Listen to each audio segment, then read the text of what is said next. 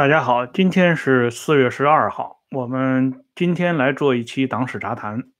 今天党史杂谈的题目呢叫陈云在关键时刻的关键运作。实际上呢，还是承接上一期党史杂谈没有谈完的内容啊。呃，上一次呢，我们讲到这个宋任穷和陈云有这么一层啊，大家几乎是从未听说过的这么个关系。这里边呢，要有两点补充，一个呢是这个陈云的前妻钟月林，她为什么啊后来嫁给宋任穷以后呢？陈云表示原谅这个事情啊，其实刘英在回忆录里边有过一个具体的介绍，因为当时在党内有这么一个约定俗成的规矩，因为那个年代啊。战火纷飞的年代里边，丈夫找不到妻子，妻子联系不到丈夫的事情是比比皆是。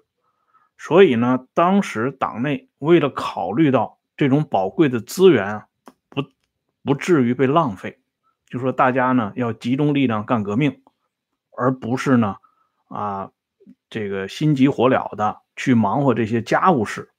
所以当时中央有一个不成文的规定。就说，如果妻子或者是丈夫任何一方联系不到对方，有一年以上的时间，就可以自行再做重新的选择。就是说，重新组建家庭也好，重新再找一个啊伙伴也好，反正这个是通行的规矩。因此呢，这个钟岳林好几年联系不到陈云。最终呢，经过刘英的撮合，与宋任穷结合，这个在当时的背景下，党内是完全谅解和理解的。所以呢，陈云同志呢，自然也是在谅解和理解这些人当中啊，因为他自己后来经过自己的秘书王鹤寿的种种努力，和他后来的老婆于若木结成连理啊，一直生了一堆孩子。一直到晚年过到最后白头偕老，所以这个历史背景要给大家讲清楚。至于这个东西呢，在今天很多人看起来觉得很滑稽，但是在那个年代，在那个年代的党内是完全说得通的。那么宋任穷呢，他和陈云之间的关系自然也就非同凡响，而且在。宋任穷担任中央组织部部长以后，他和陈云之间的关系是越走越近。嗯，其实呢，我们回过头来看啊，这个中共十二大上边产生了中央顾问委员会这个特殊意义的机构，这个机构呢，完全是为了照顾这些老同志、老家伙们的情绪，照顾他们的利益，照顾他们的权力发挥的空间。设置的这么一个过渡性的机构，但是这个过渡性的机构权力很大。第一任呢，主任自然是非邓小平莫属。不过呢，在第十二届中央顾问委员会的这个组成人员里边，就是他高层的组成人员，常委以上的人物，因为中顾委常委相当于中央政治局委员，享受这个待遇。所以你看，在中共十二届中央顾问委员会的常委、副主任、主任人选里边，邓这个人呢，多多少少还顾及一下表面文章啊，就是说他做主任不假，但是副主任里边呢，你看有薄一波，有李维汉，有谭震林，有许世友，有王震，啊，这几个副主任呢，就是。方方面面的关系都照顾到了，不是说光有啊邓自己这个旧部或者是自己的亲信，而且在这个中顾委常委当中，邓呢虽然是像对李一蒙啊自己四川的老乡李一蒙啊予以这个夹带啊，因为李一蒙原来的职务呢。只是中央直属部的副部长，比如说像中联部副部长或者统战部副部长，这个职务呢，就算是往高了拔，也就是正部级。可是呢，邓把李一萌一下子安排进了中顾委常委啊，享受了政治局委员的待遇，这算是邓的一个啊网开一面的表现。但同时呢，邓也照顾到另外一些人的情绪，比如说邓和粟裕的关系很紧张，这大家都知道。但是呢，邓仍然安排粟裕进入中顾委常委的行列，以后呢还给粟裕一个副委员长的位置。总之呢，还是安排按照副国级的这个待遇来搞。可是到了一九八七年啊，十三大的时候，又产生了一届中顾委。啊，这一届中顾委的主任呢，就是陈云了。陈云的这一届中顾委，实际上彻彻底底的成了他陈家班了。啊，这一届中顾委的副主任只有两个人，一个是薄一波，一个就是宋任穷。这两个人就是陈云在中顾委的哼哈二将。宋任穷啊，是。不负陈云的期望，啊，在对这个中央党校引发的关于理论动态的两期文章的风波上边呢，宋任穷实际上是充当急先锋的。一九八一年，啊，一九八一年的理论动态呢，第二百八十二期，曾经发表了一篇文章，叫《谨慎谦虚和实干精神》。这篇文章啊，其实啊。是这个孙长江执笔写的这篇文章啊，就是泛泛而谈啊，主要是讲这个搞经济建设呀，啊，不要啊急于求成，呃，同时呢，也反对那种谨小慎微、墨守成规、害怕创新的这种旧有的做法。但是这件事情呢，被陈云的秘书王玉清给举报了。王玉清就认为这篇文章属于含沙射影，试图呢在讥讽陈云，啊，把陈云呢说成是一个裹步不前、裹足不前，啊，事事谨小慎微、不敢有创新精神的这么一个啊非常保守的这么个人物的代表，因此这件事情引发了一定的冲突。甚至陈云本人就拿着这篇文章，拿着这期杂志，当着邓小平、李先念这几个中央常委的面当场指责胡耀邦，说：“你为什么写文章对着我来？我是支持你的。”结果呢，胡耀邦就是一头雾水，完全搞不清楚这是怎么回事，而且这个事情啊，瓜田李下也解释不清楚，这已经就是埋了一一道伏笔。等到接下来就是理论动态的第二百九十六期，又发表了当时担任中央党校第一副教育长，就是党校领导班子成员吴江的另外一篇文章，叫《跳出圈子想问题》。这篇文章啊，也让陈云发了脾气了，而且这篇文章比上一篇文章在陈云看来更加不不像话，因为。上一篇文章啊，只是泛泛而止，没有说的那么具体。而这篇文章啊，名义叫跳出圈子想问题，他想跳出谁的圈子呢？就是想跳出陈云的圈子。因为这个文章里边讲的这么一句话，他说：“严成曾经行之有效的第一个五年计划，他的许多经验仍然值得我们借鉴。但有的同志在今天的现代化建设中，把它当成模式，言必称一五，行必法一五，这样就把一个当时的成功经验变成了阻碍探讨新问题的圈子。说白了呢，是要突破这个一五计划的圈子。这篇文章直戳陈云的肺管子啊！这个陈云呢非常恼火，因为这个文章等于说是不点名的批评了一五计划是陈云最看重的东西。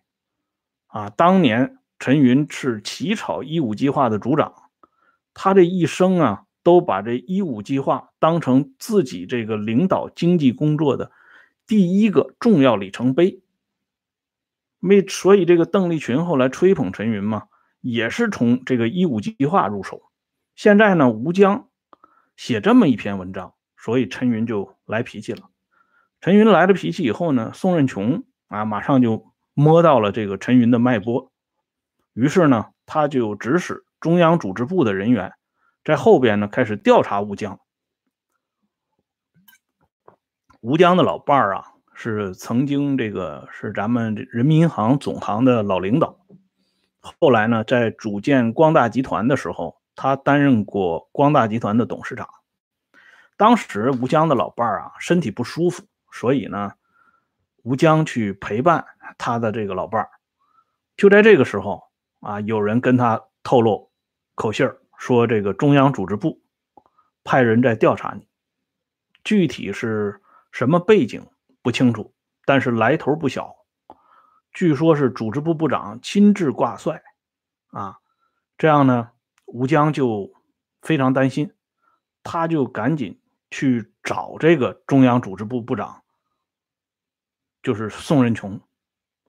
他同宋任穷接触以后，宋任穷告诉说：“这不是调查，这是正常的了解情况。”话是这么说，但是宋任穷呢，轻车熟路的从自己的办公室的抽屉里拿出了这个理论动态的第二百九十六期，明白无误的告诉吴江：“看到了吧？这篇文章是你写的吧？”吴江一看。就明白了，什么正常的了解情况，其实就是调查。因为这篇文章已经被人认定是罪证之一了，啊，因此这个吴江后来在中央党校也就没有干下去，把他一脚从中央党校踢到了社会主义学院。其实呢，就是给他做了冷板凳了。再后来呢，邓丽群在对付吴江的过程当中呢。又取得了陈云的支支持，陈云甚至啊对吴江这个人呢做了一个政治上的定性，这是邓丽群本人回忆的，就是一九八二年十一月九号，陈云在做出重要的批示，他说吴江同志是风派人物，不能重用。而在之前呢，王震到中南海去见陈云，陈云。在谈话里边就说邓丽群是个正派人，我们还是要靠他们，不能靠吴江这些人。所以呢，两个月以后，陈云正式做了书面的批示，这等于从政治上判了这个吴江的死刑了。这个人以后就再也不可能活跃在政坛上了。而把这个邓丽群树立为正面人物，于此呢，也可以看到陈云的这个当时他的这个思想境界。和他的当时的这个整个的想法和用人的标准，宋任穷接下来呢又办了一件大事情，就是一九八七年的生活会上，啊，对胡耀邦进行围剿，啊，这个会议上呢，像薄一波呀、邓丽群呐、余秋里啊、王鹤寿啊这些人都是主力军，啊，纷纷开火。宋任穷呢是属于兵行险道啊，这个人是很会把握这个火候的。他呢上来以后，他没有像那些人直接这个枪炮齐发，瞄准这个胡耀邦一顿突突突。他呢是什么呢？他先做自我批评。他说：“我这个人啊有有错误，我要先提出自我批评。”嗯，大家觉得这个事儿挺吸引眼球啊。本来是批胡耀邦的。你做什么自我批评呢？接着呢，宋任穷就说了：“宋任穷说，我作为中央委托的主管组织人事方面工作的这个领导干部，我呢没有把好关。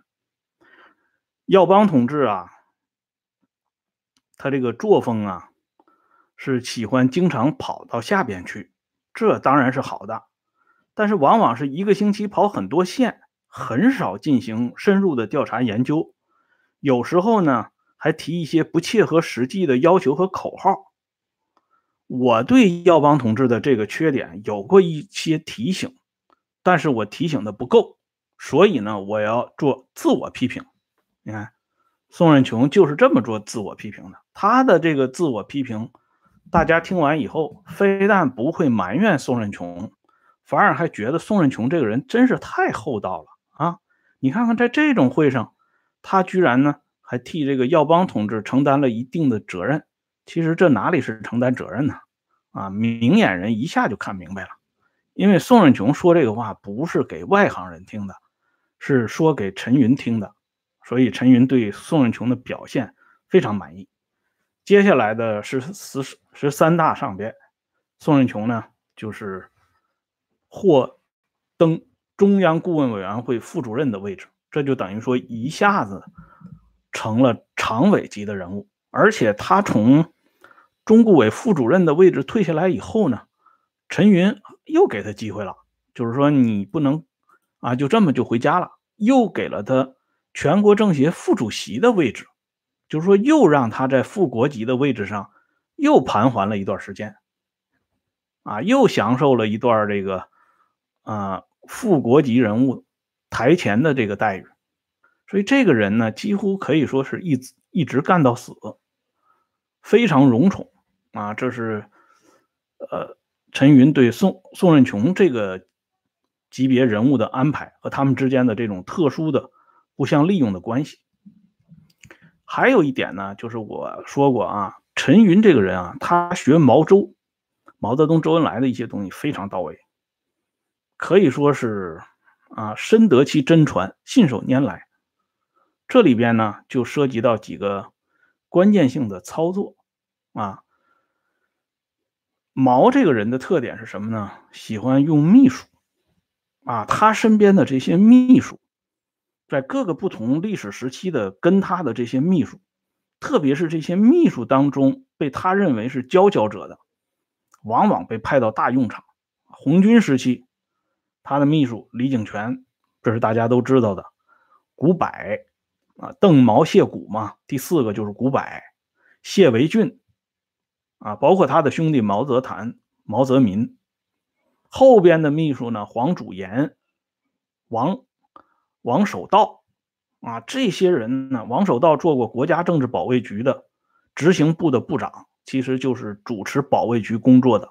他接了邓发的这个摊子。王守道这个人后来担任过交通部部长。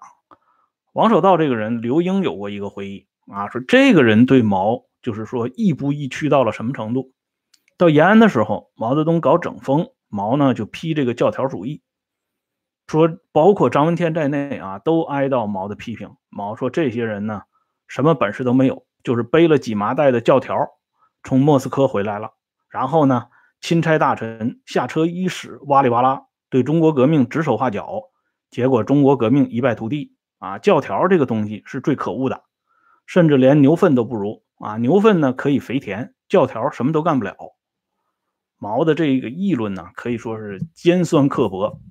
啊，极尽谩骂之能事，这样呢，王守道就听明白了。哦，老大不喜欢教条，结果呢，他回到他自己住的这个窑洞里边，就把他收藏的马克思的啊经典作品，什么《资本论》呐，《政治经济学》呀，啊拿破仑的《雾月十八》呀，啊，反正这些马克思、恩格斯、列宁的这些书呢，全给扔了，甚至呢，还有一把火给烧了。张闻天当时就看到了，张闻天就感到奇怪，说：“这是马列经典著作呀，你为什么把它扔了呢？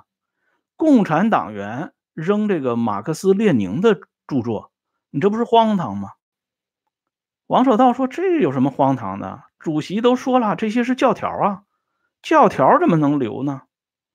所以我不仅要扔它，我还要一把火把它烧了。”张闻天就苦笑啊。张闻天说。毛泽东同志说的教条是指的这些人机械的，啊，不切合实际的去理解执行马列经典中的这个理论观点，并不是说马列主义本身是教条。你这一把火要烧了的话，传出去成什么了？共产党员烧马克思的书，啊，这还成什么话了？但是王守道根本不听张闻天的，因为王守道觉得张闻天。已经没什么势力了啊！你说的这些话，我根本就不用去听。所以你看到吧，毛重用的秘书就是要求到这样，就是说一定要服从到盲从的程度啊！正如咱们那个柯老柯庆师喊的：“迷这个就是相信到迷信的程度啊，服从到盲从的程度，完全是五体投地、无条件执行。所以陈云呢，他的五虎小将我不讲过吗？啊，这五虎小将首推就是他的这五个秘书：王鹤寿啊，还有这个刘家栋，嗯，王玉清啊，这五个小将，这五个小将呢，在陈云后来他的这个。就是东山再起的这个岁月里边，那是起到了非常重要的作用啊！还有陈群等这五个人，嗯，这五个人呢，可以说啊，那是风生水起呀，水涨船高。而这个像王玉清呢，是专门在中央党校包打听的；王鹤寿呢，掌舵中央纪律检查委员会；刘家栋呢，负责看守中央组织部的大门；陈群呢。涉及到中央文献研究室，就是掌握意识形态这块，可以说是水银泻地，无处不在。哎，这几个人被陈云用起来，那是得心应手。哎，因此呢，陈云在中央，那为什么他他的那个权威相提并论？甚至后来在选择啊江泽民进入北京这个过程当中，陈云是占了先机的。因为陈云提出江泽民的人选的时候，邓是措手不及。你邓选了两个领导人都没有站住脚，一个胡耀邦，一个赵子阳，都在自由化的问题上栽了跟头。那么现在陈云提出江泽民是一个值得培养的同志，就像我上期节目里边说的王洪文和张春桥吐的那番苦水一样，人家邓小平提出了。啊，哪个大区应该安排谁？哪个总部应该安排谁？你王洪文、张春桥尽管权力炙手可热，可是你提不出个子丑寅卯来，那么这个人选就要定下来，要上报到啊领袖那里去。反过来，邓这个时候也遇到这样的困境，两雄对垒的时候，陈云提出人选，你可以反对啊。你可以反对，你也可以提你的人选，可是邓手里没有人啊，所以打了一个措手不及。这样呢，不得不同意将上位。但是后来呢，邓也扳回了一局，就是把李瑞环从天津调了过来，啊，也进入常委班子。再后来呢，他直接确定胡锦涛作为江泽民之后的啊党的领导集体的领军人物。啊，就是大家经常说的隔代指定，这是邓后来扳回两局。不过呢，现在回过头来看，所谓扳回这两局，与大局并无实质性的影响。啊，因为这个将主导这个上层差不多是二十多年的时间，影响力一直没有因为自己啊辞去这个呃一把手受到任何实质性的干扰。所以最后呢，还是陈云的这一波人马上了位了，啊，这一点很厉害。他我之所以说他学毛学的很到位，就是说在于他在关键时刻，他总有一些关键性的运作，这是一般人啊想象不到的啊。有那首唐诗不叫“春江水暖鸭先知”，就这个人政治敏锐非常高。这里呢，我给大家举一个例子。啊，有两个故事非常值得讲，就是陈云呢在中央工作会议期间，就是一九七八年十二月份中央工作会议的时候，他自己啊回首往事，给这些啊呃中生代、新生代的干部们讲了一段故事，其实呢就是炫耀一下自己的这个资历啊，这个战斗的经验。他说呢，有一次啊，他跟这个博古在一起啊，王明呢写信让陈云到长江局去工作，陈云就拒绝了。后来呢，博古回到延安啊，陈云就对博古说：“说王明不应该啊，在这个长江局继续单挑一面，应该回到延安跟主席一起工作。博古呢就没啥心眼儿，因为他们都是江苏人，老乡啊。平常当年在这个上海留守的时候，关系也不错，所以博古还觉得跟陈云能说点心里话，所以博古就说了这么个话，他说：“王明都说了，延安的书记处人数并不比国民党统治区的人多，所以延安发电报不要再用中央的名义。”就这个事儿，陈云马上就向毛泽东报告了，毛一听就明白了。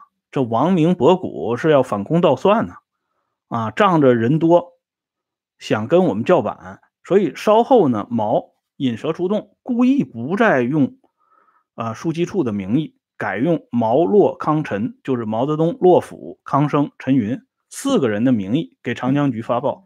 但是这件事情触动了毛最敏感的神经，决定呢加速收拾这个教条宗派这帮人。这是陈云立了一大功啊。所以毛泽东为什么后来对陈云说过那句话？说我发动文化大革命不是为了打倒你，给陈云吃了个定心丸。这功劳是当年这么立下来的，这是他跟毛泽东之间的这一层关系。后来呢，他跟邓之间，在这个最有名的啊，我们都知道那场春夏之交的这个活动里边，啊，陈云呢就直接表态。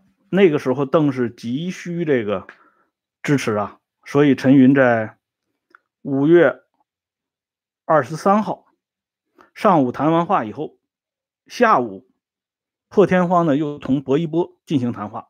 陈云说：“这个局面不能再退了，没有余地了，要拥护小平，拥护中央常委。这个时候，我们老同志不出来讲话不行了，事情就是这么简单。”啊，再一次呢，旗帜鲜明的支持了邓小平。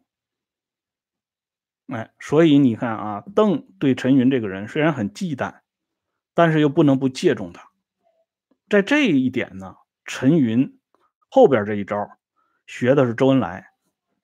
周恩来的绝招是什么呢？毛泽东给周恩来总结过，说周这个人啊，毛对江青、康生他们讲过，他说周这个人最大的特点。